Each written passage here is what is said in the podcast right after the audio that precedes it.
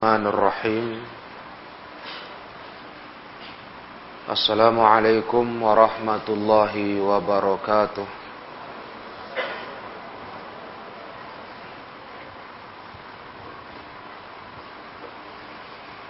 الحمد لله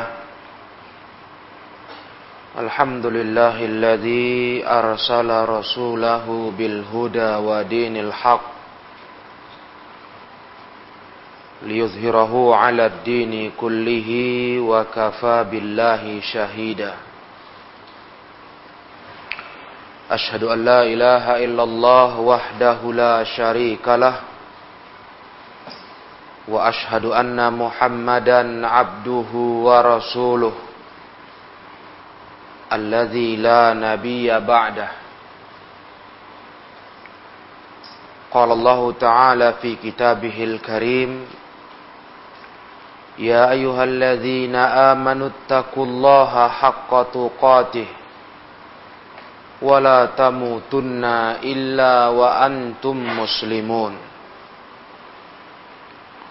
يا أيها الناس اتقوا ربكم الذي خلقكم من نفس واحدة وخلق منها زوجها وبث منهما رجالا كثيرا ونساء واتقوا الله الذي تساءلون به والأرحام إن الله كان عليكم رقيبا. يا أيها الذين آمنوا اتقوا الله وقولوا قولا سديدا. يصلح لكم أعمالكم ويغفر لكم ذنوبكم. ومن يطع الله ورسوله فقد فاز فوزا عظيما. فإن أصدق الحديث كتاب الله وخير الهدى هدى رسول الله صلى الله عليه وسلم وشر الأمور محدثاتها فإن كل محدثة بدعة وكل بدعة ضلالة وكل ضلالة في النار أما بعد Kaum muslimin, para jemaah yang dirahmati Allah,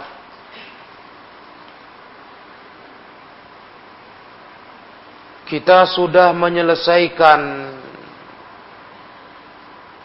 Al-Qismu Thani, bahagian kedua. Dari pelajaran kitab Tahdzirul Bashar min Usulis Syar. Bahagian kedua yang berisikan poin-poin sumber keburukan. Seluruhnya ada sebanyak 80 poin. Semua sudah kita baca.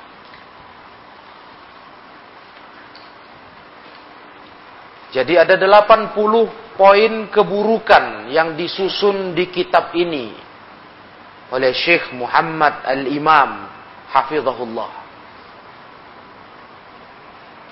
Yang insya Allah memberikan faidah kepada kita bahwasanya banyak hal dari pintu kejelekan yang harus kita waspadai untuk kita menghindarkan diri darinya. Ada 80 pintu sumber keburukan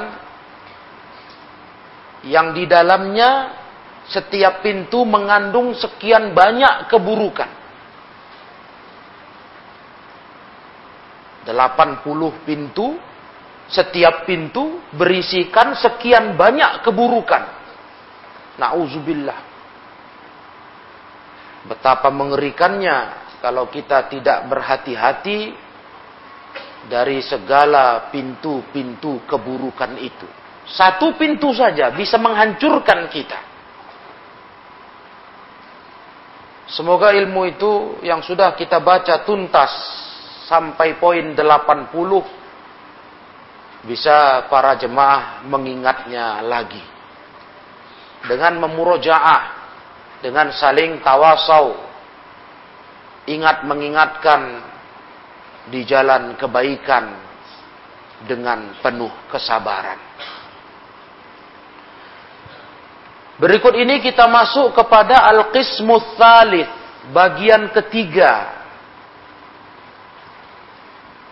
yaitu awaqibur tikabisyarri. Bagian ketiga ini akan dibahas oleh beliau akibat-akibat berbuat keburukan. Artinya poin-poin yang kita sudah bahas 80 banyaknya. Itu kalau sempat kita jatuh para jemaah yang mulia, itu berakibat buruk jelek untuk kehidupan kita. Bukan berarti kalau kita jatuh biasa saja. Nggak apa-apa. Atau mungkin malah berpikir dimaklumi.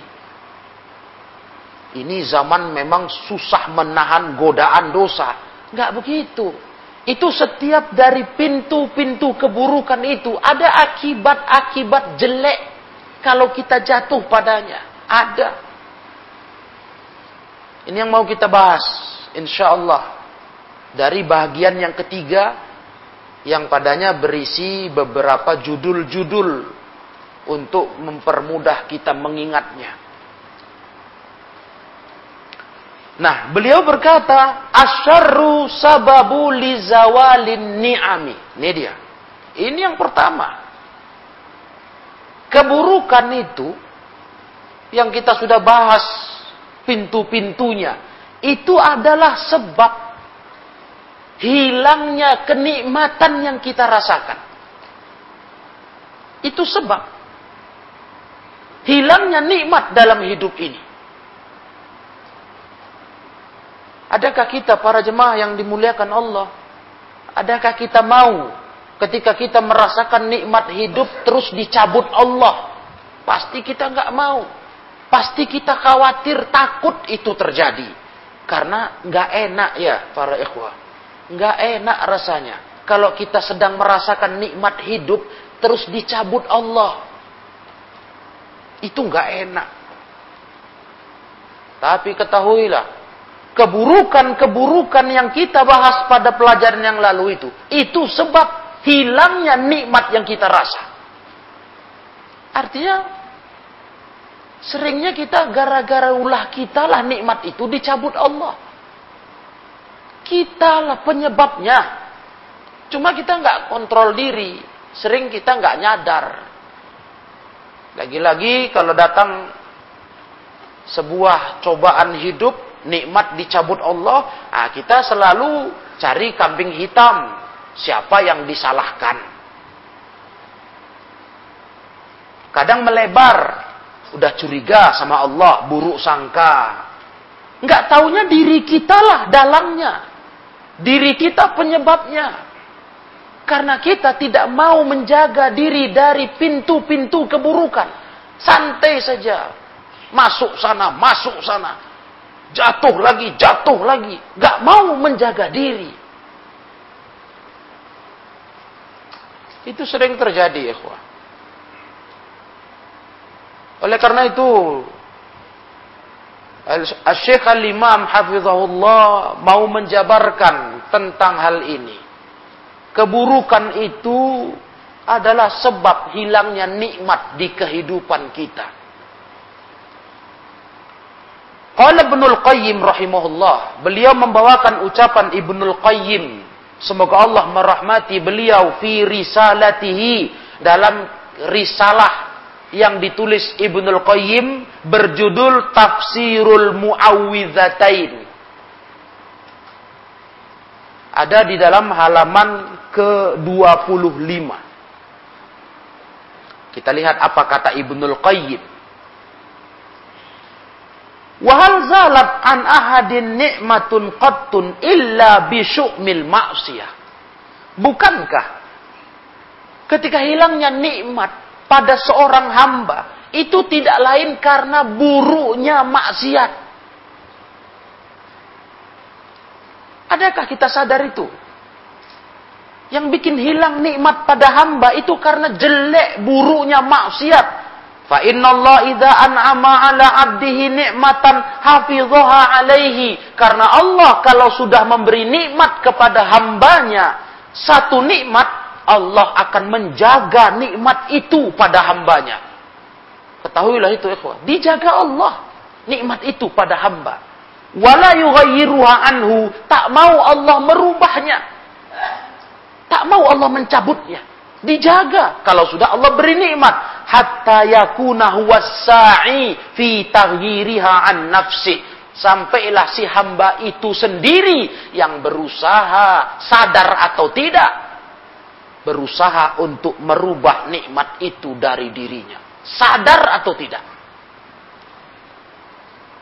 jadi kita sendirilah ikhwah yang bikin susah hidup ini Nikmat sudah diberi Allah. Dan Allah kalau memberi nikmat dijaga. Dijaganya di kita. Tapi kita yang merubahnya. Ulah kita. Dari mana Ibnul Qayyim menyimpulkan ini? Dari firman Allah Ta'ala. Allah berkata, Inna Allah la yughayyiru ma biqaumin hatta yughayyiru ma bi anfusihim.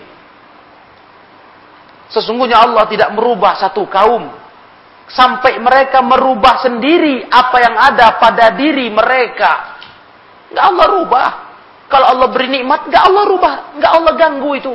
Allah jaga sampai mereka sendiri merubahnya. Ulah kita.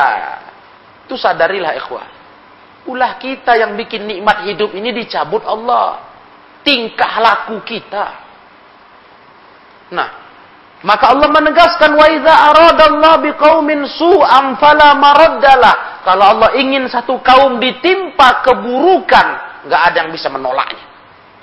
Sebagai balasan ulahnya manusia itu. Nikmat dicabut, diganti keburukan, su, kejelekan, nggak bisa lagi ditolak. Kalau sudah itu yang terjadi, wa ma lahum min dunihi miwal. Enggak ada yang selain Allah bagi mereka penolong. Kaum muslimin. Itu firman Allah di dalam surah Ar-Ra'd ayat 11. Kan berarti betul. Allah nggak nggak merubah satu nikmat. Nggak. Nggak mau Allah Ta'ala. Mungkin ada orang berkata, itu ayat kan gak ada menyebut cerita nikmat. Yang penting Allah gak merubah satu kaum. Lihat ayat berikutnya. Mungkin ada yang berpikir begitu. Kenapa diartikan Ibnul Qayyim? Kok nikmat yang Allah beri dijaganya, gak dirubahnya? Ayat itu gak berbunyi kalimat nikmat. Yang ada Allah tidak merubah satu kaum sampai mereka merubah diri sendiri. Di ayat berikut ini lebih tegas lagi. Ayat surah Al-Anfal. Yang ke-53 Allah berkata, "Dzalika bi Allah lam yaku mughayyiran ni'matan an'amaha ala qaumin hatta yughayyiru ma bi anfusihim." Sesungguhnya yang demikian bahwasanya Allah tidak akan merubah satu nikmat. Yang Allah berikan nikmat itu ke satu kaum sampai mereka yang merubahnya dengan tingkah mereka sendiri. Tuh. Al-Anfal. Jadi ma'asyirul ikhwah. Kalau kita merasakan ada nikmat yang Allah beri, tahu-tahu dicabutnya. Nah, coba langsung cari tahu dosa kita. Gitu yang betul. Cari tahu ulah saya apa ini. Karena nggak mungkin Allah cabut ini nikmat. Allah rubah kalau nggak sayang bertingkah. Gitu hidup ini para jemaah yang mulia. Jangan cari kambing hitam. Ini gara-gara dia, gara-gara si Anu. Atau nauzubillah, ini Allah maunya apa? Tak adil ini. Wah, bagaimana? Kalau sudah Allah nggak adil, yang adil siapa para ikhwan? Sanggup kita berkata Allah nggak adil sama saya. Yang adil siapa? Sempat Allah yang maha adil kita bilang tak adil. Intinya ini, wah, di kitalah problemanya itu. Di kitalah masalahnya. Kalau enggak Allah enggak rubah nikmatnya. Enggak. Nah inilah akibat buat dosa, akibat buat salah di hidup ini. Akibat masuk ke pintu-pintu keburukan yang sudah kita bahas kemarin. Makanya saya sering bilang ke ikhwah, untuk diri saya pertama dan untuk ikhwah semua. Beragama ini jangan main-main. Jangan main-main. Gampang-gampang aja, tahu dosa gampang-gampang aja. Jangan, itu ada akibatnya. Yang susah kita nanti. Jangan tanggung-tanggung beragama nih, main-main. Ah, tak apa lah Kecilnya ini. Tak besar. Kalaupun dosa tak besar. Jangan. Perkara kita tetap jatuh ke dosa sebagai hamba, sebagai manusia, itu bukan dasarnya meremehkannya. Ya namanya orang khilaf, mungkin ada mungkin khilaf. Tapi kalau udah meremehkan, sepele, atau malah berbangga dengan dosa, siap-siaplah. Siap-siap sengsara. Dan jangan salahkan siapa-siapa. Salahkan diri kita saja. Ini dalil yang nggak bisa dibantah lagi, ya Dalil plus dipahami oleh ulama. Ibnul Qayyim rahimahullah. Wa man ta'ammala ma qassahu Allah fi kitabih. Dan siapa yang memperhatikan apa yang Allah kisahkan dalam kitabnya min ahwalil umamil ladzina azala ni'amahu anhum. Kisah orang-orang keadaan umat yang mereka Allah hilangkan nikmat Allah atas mereka. Nah, siapa memperhatikan kisah-kisah itu, baca-baca Al-Quran, kisah-kisah orang dulu, itu wajada sababa zalik, dia akan dapati sebab hilangnya nikmat dari mereka. Tidak lain innama huwa mukhalafatu amri wa isyanuh tidak lain itu akibat menyelisihi perintah Allah bermaksiat mereka kepada Allah. Cobalah baca. Coba perhatikan. Itulah pentingnya baca kisah-kisah para nabi dengan umatnya. Kisah-kisah orang dulu. Kalau kita lihat mereka yang pernah diberi Allah nikmat sekian banyak terus dicabut, diganti azab, itu gara-gara apa? Gara-gara mereka tidak mau memenuhi perintah Allah, suka maksiat. Perhatikanlah ikhwah. Ambil pelajaran dari kisah-kisah dulu. Wa kadzalika man fi ahwali ahli asri. Begitu pula kalau orang yang melihat keadaan penduduk negerinya. Masa sekarang, zaman kita. Wa ma azalallahu anhum min nikmatin dan apa yang Allah hilangkan dari mereka berupa nikmat. Nikmat kesehatan, nikmat ketenangan, nikmat kecukupan. Ya. Yang zaman sekarang ini, ikhwah. Nikmat rasa aman, nikmat lancar kehidupan. Apa yang penyebabnya? Kenapa Allah cabut? Allah hilangkan nikmat itu. Wajada dzalika kullahu min su'i awaqibiz dzunub.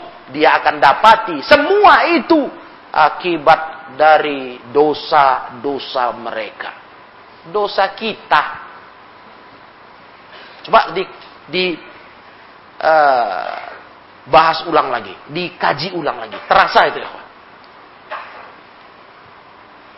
Makanya musibah bencana itu kalau datang wabah yang mencabut nikmat kesehatan, nikmat keamanan, nikmat ketentraman hidup dan macam banyak nikmat sudah dicabut Allah sekarang. Itu tak lain gara-gara dosa. Udah terlalu berdosa umat ini, manusia ini. Udah banyak kali jauh dari Allah. Sadarlah itu ya, Nah, udah banyak kali. Makanya tidak ada lain kalau kita mau kaji lebih mendalam lagi. Obatnya wabah, musibah, problematika hidup itu tobat. Ada lagi itu. Masyarakat ini tobat. Baik-baiklah beragama. Patuh-patuh sama Allah. Yang bisa menghilangkan ini siapa? Allah. Karena yang memberinya Allah. Dicabut Allah nikmat ketenangan hidup kita sekarang. Nikmat kesehatan. Nah, dicabut Allah Ta'ala. Nikmat kecukupan. Lancarnya hidup. Sudah semua masyarakat sadar, tahu diri sudah. Bagaimana pahitnya hidup. Apa yang harus dilakukan untuk mencari solusinya? Tobat. Ini kan gara-gara dosa-dosa merajalela ini. Begitu ya, Itu menurut agama ya. Nah, menurut agama. Ini akibat dosa. Sehingga kalau mau dihilangkan itu semua, tidak lain kecuali kembali ke agama, kembali kepada Allah Ta'ala, bertaubat dengan taubatan nasuha. Nah, nah di sini ada ucapan ahli syair dibawakan asyikh kamatila idza kunta fi ni'matin far'aha Fa innal ma'asi tuzilun ni'ama. Kalau kau sedang merasakan dapat nikmat, jaga itu. Karena sungguh yang namanya maksiat menghilangkan nikmat. Itu kata seorang ahli syair. Dijaga, dijaga dengan apa? Dengan takwa, dengan baik-baik beragama. Itu cara menjaga nikmat jaga ibadah kita, jaga kewajiban kita, jaga dosa, jangan sampai jatuh kepadanya. Sayang sama nikmat, senang, sayang di untuk tidak dicabut Allah, sayang kita kan? Iya. Nah, jaga ikhwah. Far'aha, jaga. Caranya itu. Makin dapat nikmat dari Allah, coba makin taat lah makin taat, makin solih, makin takut sama dosa. Lah ini enggak. Makanya itu yang namanya cobaan hidup kadang bukan hanya dengan kesusahan, tapi juga dengan kesenangan. Wa nablukum bisyarri wal, khairi fitnah. Kami uji kalian dengan keburukan dan kebaikan. Itu ujian.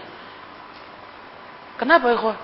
Tidak sedikit orang ketika dia dalam kondisi susah hidup, masih dekat dia sama Allah. Masih dekat sama Allah. Begitu dikasih nikmat, waduh, menjauh dari Allah. Nggak tahan dia, diuji ke, dengan kesusahan, keburukan, tegar. Diuji dengan kesenangan, luntur, rubuh dia. Tak sanggup dia berdiri tegak sebagai seorang muslim yang bersyukur kepada Allah dengan nikmatnya.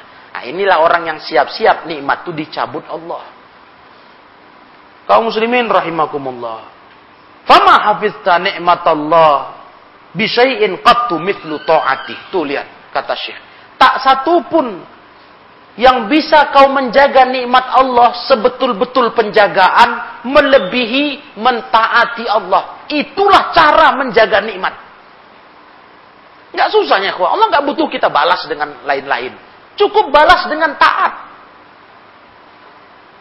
Maka saya katakan, kalau sayang nikmat, sayang, senang untuk dijaga, taatnya ditingkatkan kalau dapat nikmat. Taatnya ditingkatkan. Jangan malah malas. Nah, inilah kita. Malas, dapat nikmat jadi malas. Jadi malas taat. Nah, mulai kendor dalam hal ibadah. Mutu beribadah, kualitas kuantitasnya turun Ya, kualitas turun, kuantitas turun. Nah, inilah kebanyakan banyak manusia ini. Kalau udah dikasih sedikit kesenangan, lupa diri. Nanti dicabut Allah, ah baru dia meraung-raung, meratap-ratap. Baru mengumpat sana, mengumpat sini. Ketika dicabut Allah nikmat itu. Wala hasolat fiha ziyadah mithlu syukri. Dan tak ada satupun yang bisa menambah nikmat itu semisal dari mensyukuri nikmat. Senang kita atas nikmat. Mau ditambah Allah, dijaga Allah. Taat dan syukuri nikmat itu. Taatnya tambah, syukurnya dijaga. Karena Allah ingat tadi, ingat tadi ikhwah. Yang Ibnul Qayyim jelaskan. Nggak mungkin Allah cabut nikmatnya kepada hambanya kecuali ulah hamba itu sendiri. Jadi kalau udah diberi nikmat, itu terjaga itu ikhwah. Kalau kita jaga taat, kita jaga syukur. Itu saja hidup ini. Kalau diberi nikmat tuh, coba diceklah taat kita. Ada tambahan nggak? Yang ada dijaga tidak? Atau malah mundur, menurun. Mulailah sholat menurun, ibadah-ibadah lain menurun, kualitasnya, mutunya rendah. apalagi jumlah kuantitasnya. Wah, semakin lama semakin sedikit. Ah, ini udah petaka ini. Petaka nauzubillah. Harus disiapkan diri untuk merasakan sengsaranya nikmat dicabut Allah. Ayuhal muslimun, para jemaah yang saya muliakan. Di sinilah teguran yang sangat baik dari seorang ulama kepada kita. Ibnul Qayyim rahimahullah. Untuk kita betul-betul sadar diri bahayanya dosa. Bahayanya keburukan dan kejelekan dalam kehidupan kita. Akhil muslim, kata Syekh. Wahai saudaraku muslim. Al-ma'asi narun ni'am. Maksiat itu ibarat api bagi nikmat ibarat api bagi nikmat. Ta'malu fiha kama ta'malun nar fil hatabil yabis. Api itu, ya, maksiat itu bekerja sebagaimana bekerjanya api ketika dia ketemu kayu bakar yang kering. Nah, itulah dahsyatnya maksiat terhadap nikmat. Kayak mana api kalau ketemu kayu kering? Menyalalah api itu. Habis kayu itu. Begitulah nikmat. Kalau sudah digandeng dengan maksiat. Habis itu nanti. Betul habis. Hmm. Jadi jangan coba-coba. Itu makanya sekali lagi lah ikhwah. Sama-sama kita bertekad. Jangan main-main beragama ini. Serius, serius lah. Ini agama bukan candaan. Bukan tertawaan. Bukan uji coba ini kewajiban. Taat itu harga mati. Maksiat itu dihindari itu sudah keharusan. Begitu coba ditanamkan di diri kita. Karena satu, kita sayang nikmat. Sayang kita nikmat yang Allah beri, jangan dicabutnya. Malah kita kepingin ditambahnya. Dengan syukur kita kepadanya. Bentuk syukur itu disebutkan tadi oleh beliau. Menambah taat, itu tanda syukur. Bukan di mulut aja aku syukur nikmat, aku syukur nikmat, tapi tambah taat. Tambah salih kita, tambah dekat dengan Allah taala. Tanbih peringatan kata beliau. Ma yabtali Allah bihil mu'minina min anwa'il faqri wal maradi wa ma ila dzalika ma istiqamatihim. Hadza wa in kana fi nadhari sahibihi syarran illa annahu fil haqiqati khairun. Nah, ada satu peringatan sebagai bentuk meluruskan anggapan, persepsi yang keliru. Apa itu?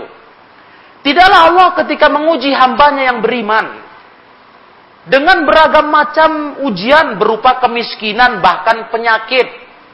Ya.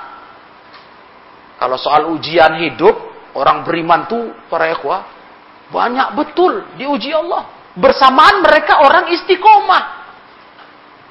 Jadi gimana ini mendudukkannya? Tapi katanya nikmat itu dicabut Allah gara-gara dosa. Tapi kok orang beriman yang taatnya Masya Allah. Istiqomah. Juga Allah timpakan kepada mereka cobaan hidup. Kemiskinan. Sakit. Lah bagaimana ini? Nah, ini yang mau diluruskan oleh beliau. Haza yang begi, yang demikian ini wa in kana fi nadhari sahibihi syarran. Walaupun menurut pandangan orang yang terkena itu mungkin itu buruk. Apalagi orang lain menilai. Mungkin itu dipandang buruk tapi itu pada hakikatnya baik. Bagi orang beriman ya ketika dia semakin istiqomah di agama makin datang cobaan hidup kepadanya, itu pak itu pada hakikatnya kebaikan baginya. Karena itu bukti tingginya imannya, maka Allah uji dia dengan cobaan lebih berat. Siapa paling berat cobaannya? Pernah ditanya ke Nabi Shallallahu Alaihi Wasallam. Siapa ya Rasulullah asyadun nas balaan? Manusia paling berat cobaan hidupnya. Nabi jawab apa? Al-anbiya, para nabi. Thummal amsal fal amsal. Terus yang semisalnya, terus yang semisalnya, yang di bawahnya, mutu imannya. Nah. Jadi para nabi yang paling berat dicoba Allah bukan karena mereka banyak dosa, Tapi memang itulah konsekuensi tingginya keimanan mereka kepada Allah Ta'ala. Allah ingin naikkan derajat mereka lebih tinggi. Allah ingin muliakan mereka setinggi-tingginya. Maka orang soleh, orang yang baik, orang yang jauh dari dosa, kok tahu-tahu tetap mendapatkan cobaan hidup, ya, kekurangan dan sebagainya, jangan dia berpikir Allah tak sayang kepadanya. Itu baik baginya kata beliau. Baik, kenapa? Lima fi dzalika min katratil ujur wa raf'id darajat. Di setiap cobaan itu terdapat banyaknya pahala untuk dia dan besarnya derajat dia ditinggikan Allah taala.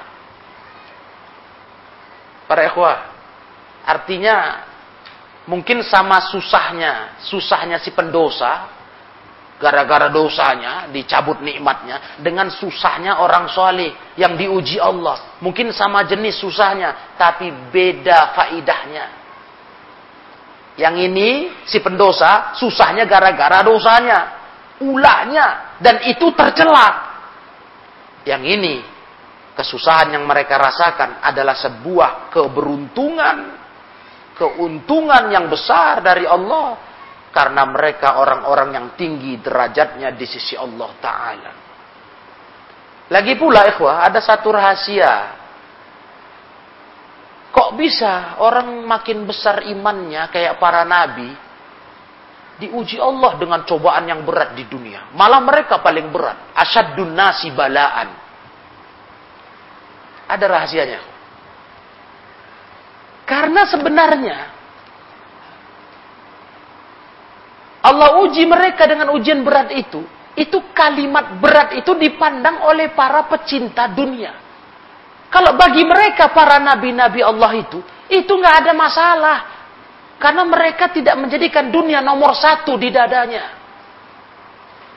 Dunia ini murah.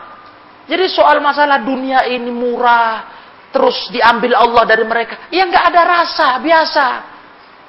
Karena yang besar di hati mereka akhiratnya. Itu rahasianya kata ulama. Masya Allah. Ikhwanifidin yang mulia. Kitanya yang pecinta dunia, yang sangat tergila-gila ke dengan dunia ini. Sakit kali rasanya kalau kena cobaan. Oh, pening kali. Stres kali. Ya kan? Kadang cobaannya sebenarnya sepelenya. Tapi kok bisa beban kali rasa hati ini? Karena cinta kita ke dunia ini besar kali. Makanya kalau nggak tahan dicoba Allah dengan mutu iman kita yang kecil, jaga-jaga dari dosa. Karena kita berat kita untuk bisa tidak cinta dunia berlebihan berat. Penyakit kita cinta dunia, cinta dunia. Lucu kadang kita lihat diri kita, ya, Rasanya unik. Padahal masalahnya nggak besar. Gampang penyelesaiannya, tapi kok bebannya berat. Karena tadi ketika kita diuji Allah yang menyangkut dunia yang sangat kita cintai, wah, memang kelimpungan kita. Tapi para nabi tidak. Sedih ada, tapi mereka betul-betul sosok orang-orang yang tidak menjadikan dunia nomor satu di hatinya. Maka ujian itu terasa ringan, padahal berat kali kalau dibanding orang lain yang merasanya. Itu rahasianya. Karena mereka punya prinsip bukan dunia ini tujuan hidup sebenarnya. Tujuan hidup akhirat. Dunia cuma tempat numpang lewat. Yang kita punya di dunia ini pun cuma titipan Allah. Kapan mau diambilnya, kapan mau dicabutnya, terserahnya. Itu di hatinya para nabi. Maka biasa saja bagi mereka ujian cobaan dunia sekalipun itu paling berat sudah dirasa orang lain. Itu yang saya dapati ikhwah dari keterangan para ulama yang membuat kita sadar, oh, makanya kalau diuji Allah dengan mas, dengan dos uh, cobaan gara-gara maksiat dan dosa, uh, supaya itu terasa ringan, kita harus cepat banyak tobat ke Allah biar diselesaikan cobaan itu dan meringankan rasa cobaan itu. Jadilah orang yang tak mencintai dunia berlebihan. Itu dia. Itu kiatnya. Kecilkan nilai dunia di hati kita, ikhwah. Memang dunia ini pun kecilnya. Kecilnya di hadapan Allah. Hawanun indallah. Kecil kali. Sampai kata hadis Nabi SAW, laukanatid dunia, kalau dunia ini mengimbangi, menyamai sama dengan janahu ba'udah, sayap nyamuk. Kalau seimbang dunia dengan sayap nyamuk, nilainya Allah nggak akan kasih minum orang kafir di dunia ini. Karena kafir itu kan dosa yang sangat besar. Tapi kenapa Allah masih kasih mereka makan minum? Karena dunia ini murah, nggak apa-apa. Mereka dapat itu. Karena dunia ini sama sayap nyamuk pun masih lebih mulia sayap nyamuk. Andai kata seimbang saja. Kalau seimbang saja. Udah nampak murah dunia ini. Ternyata memang lebih rendah di sisi Allah. Rendah kali dunia ini. Nah, cuma kita kan memang itu yang paling apa istilah kita tabiat ya itu memang sudah dipatri ke hati kita zuyina linnas syahwat ya, itu memang nah, jadi kalau kita kepingin ringan cobaan hidup karena memang kita banyak dosa terasa tidak berat nah, cepatlah tobat dari dosa dan kurangi cinta dunia kurangi cinta dunia jangan obsesi kali dunia ini ya karena kita sedang sibuk dengan yang murahnya. Satu hadis sebagai tambahan ya Apa yang pernah kita baca. Ketika Nabi masuk pasar. Bawa bangkai kambing. Anak kambing. Cacat. Nabi tanya ke sahabat yang sedang berjualan di pasar. Jual beli. Ada yang mau beli ini. Murah saja. Tidak ada yang mau. Untuk apa ya Rasulullah? Masa mau dijual anak kambing bangke? Anak kambing pula kecil, cacat lagi. Oh ya sudah, gratis, gratis. Mau? Untuk apa ya Rasul? Kalaupun gratis, untuk apa bangke itu? Artinya menunjukkan gak ada nilai bangke itu di mata manusia. Malah ah, kerjaan menerimanya kan. Bangke untuk apa? Nah, begitu Rasul Lihat respon mereka. Apa kata Rasul? Sungguh, dunia yang kalian cari di pasar ini lebih hina di sisi Allah dari hinanya bangke kambing ini di mata kalian. Luar biasa ya kawan. Sahabat dengar itu langsung paham. Ih, murah kali dunia ini rupanya ya. Karena bagi kami anak kambing bangke kambing cacat ini pun nggak ada nilai harga. Buktinya gratis pun tak mau. Karena untuk apa? Namanya bangke. Udah bangke, kambing kecil, cacat. Apa pula mau diurus itu? Mau diterima? Betul-betul nggak ada harga sama sekali. Ternyata dunia itu lebih rendah di sisi Allah daripada nilai bangke anak kambing cacat ini di mata kalian. Masya Allah. Nah jadi konfidin yang mulia, ini yang harus kita sadari. Kalau ingin dicabut Allah segala macam musibah, cobaan, cobalah tobat dari dosa. Jangan buat dosa. Berusaha perkara kita pasti jatuh juga karena khilaf. Tergelincir itu memang wajar. Nggak mungkin anak manusia nggak berdosa kan? Cuma itu tadi, jangan dianggap sepele. Nanti dicabut Allah nikmat kita. Dosa itu jangan diremehkan, jangan jangan dikecil-kecilkan. Nah, itu dia. Sebab kita ini nggak tahan dicoba Allah, diuji Allah kadang. Artinya terasa sakit kali. Itu didukung tadi dengan sifat kita yang cinta dunia. Jadi tergoncang kali kadang kita diuji Allah. Ya begitulah hidup. Hah? Di diri kita ini ada penyebab-penyebab untuk datangnya maksiat, datangnya dosa, eh, datangnya petaka karena maksiat. Dan ada penyebab petaka itu lebih dahsyat rasanya.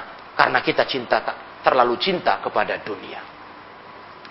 Kaum muslimin yang mulia, fala yaqtalid alaika hadza bidzaka. Jangan tercampur engkau kata Syekh antara orang yang baik tadi dapat cobaan hidup dengan orang-orang yang pendosa yang Allah cabut nikmatnya. Jangan dicampur. Jangan dianggap sama saja. Beda. Nah, yang ini orang-orang baik, solih, yang istiqomah beragama diuji Allah untuk naikkan derajat pangkat di sisi Allah, ditambah pahalanya. Yang ini orang-orang yang memang tak tahu syukur atas nikmat. Yang main-main beragama. Akhirnya Allah cabut nikmat itu Allah ganti dengan petaka. Jangan dicampur ini kata Syekh. Jangan dicampurkan yang ini dengan yang ini. Nah.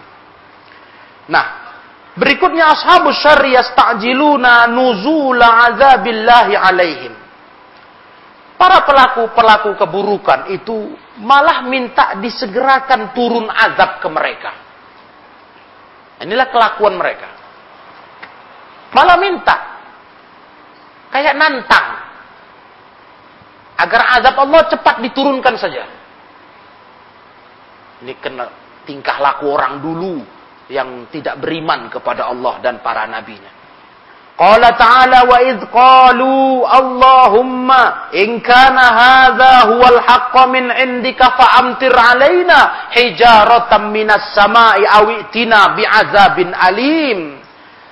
Ingatlah ketika mereka berkata, Qalallahumma ya Allah, kalau memang ini kebenaran dari sisimu yang dibawa nabi-nabi ini, maka turunkan hujan kepada kami, hujan batu dari langit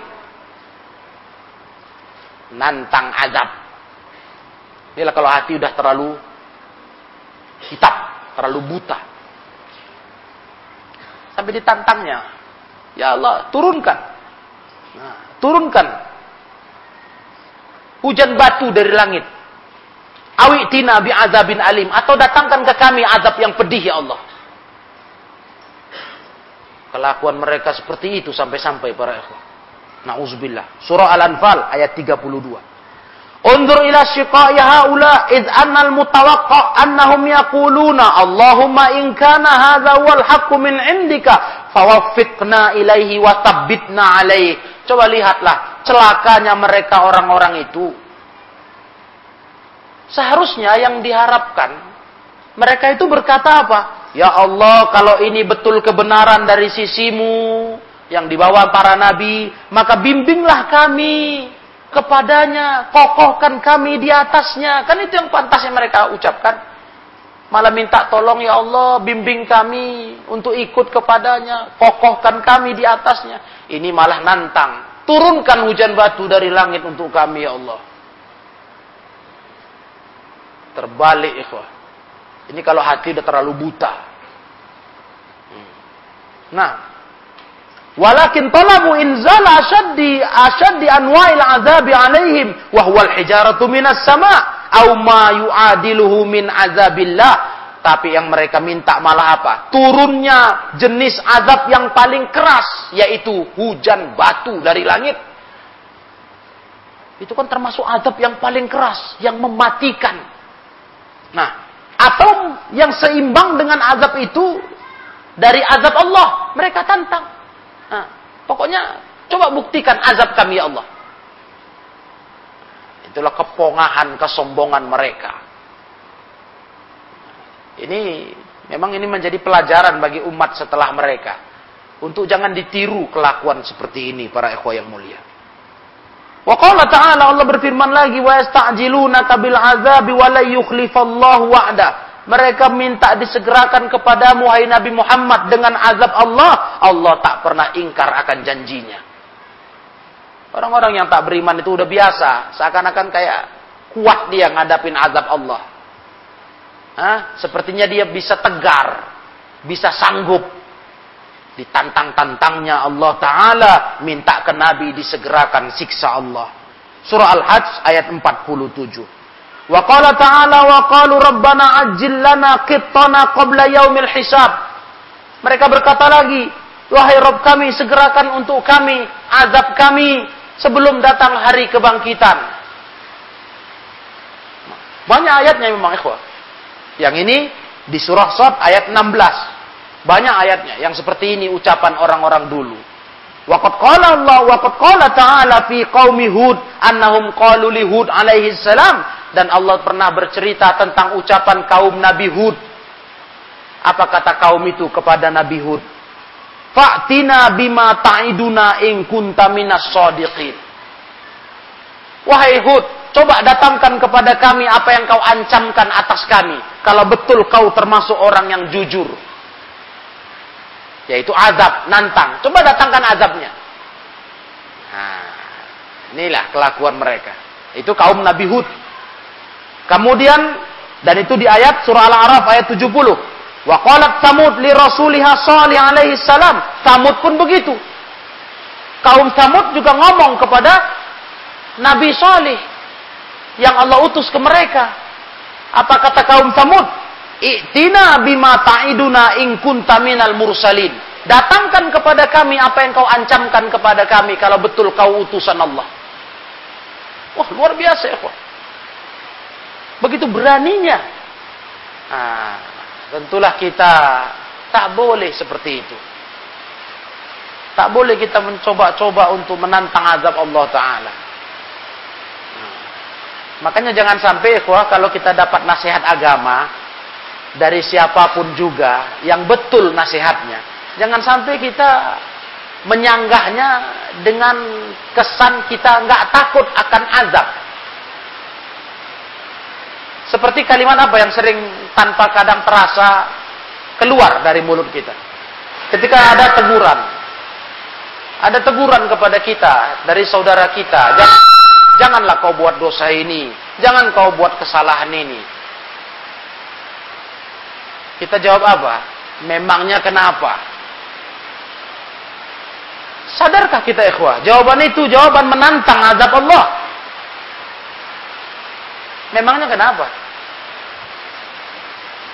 Jawaban orang yang keras hatinya. Keras hatinya. Mestinya dia tunduk dia introspeksi diri. Dan dia berterima kasih dengan teguran itu. Tapi kok malah dia bertanya dengan kalimat memangnya kenapa? Seakan-akan aku tak peduli. Walaupun ini ada resikonya, ku tanggung katanya. Masya Allah. Ini mirip sama ucapan umat dulu ketika ditegur para nabi Allah diajak beriman. Mereka nantang, datangkan kepada kami siksa itu yang kau janjikan, kau ancam kami. Mana itu? Nah, jadi inilah para ikhwah, rubahlah diri kita. Nauzubillah. Jangan sampai kita seperti itu. Hmm. Sambutlah segala nasihat yang baik untuk hidup ini. Sambutlah. Dan bertekad kita untuk berubah diri bertaubat kepada Allah tabaraka wa taala dengan taubat yang sebenarnya. Minta kepada Allah, janganlah engkau cabut nikmatku ya Allah yang kau berikan kepadaku. Jangan ya Allah. Ha. Tapi tambahlah Allah nikmat itu. Begitu harusnya ikhwani fiddin yang mulia. Karena akibat daripada dosa dicabutnya nikmat dari Allah Ta'ala. Kemudian waqala kaum Lut lilutin alaihi salam. Kaum Lut pun begitu ngomong ke Nabi Lut. Apa kata mereka? I'tina bi'adzabillah in kunta minas shadiqin. Datangkan kepada kami azab Allah kalau memang kau orang benar. Itu di surah Al-Ankabut ayat 29. Wa qala qaum Syuaib li Syuaibin alaihi salam. Begitu pula kaum Nabi Syuaib ngomong ke Nabi Syuaib alaihi salam, Kata mereka, "Faskit alaina kisafam minas sama in kunta minas sadiqin." Begitu. Kaum Syuaib berkata, "Coba turunkan atas kami gumpalan dari langit kalau betul engkau orang benar." Surah Syuara ayat 187.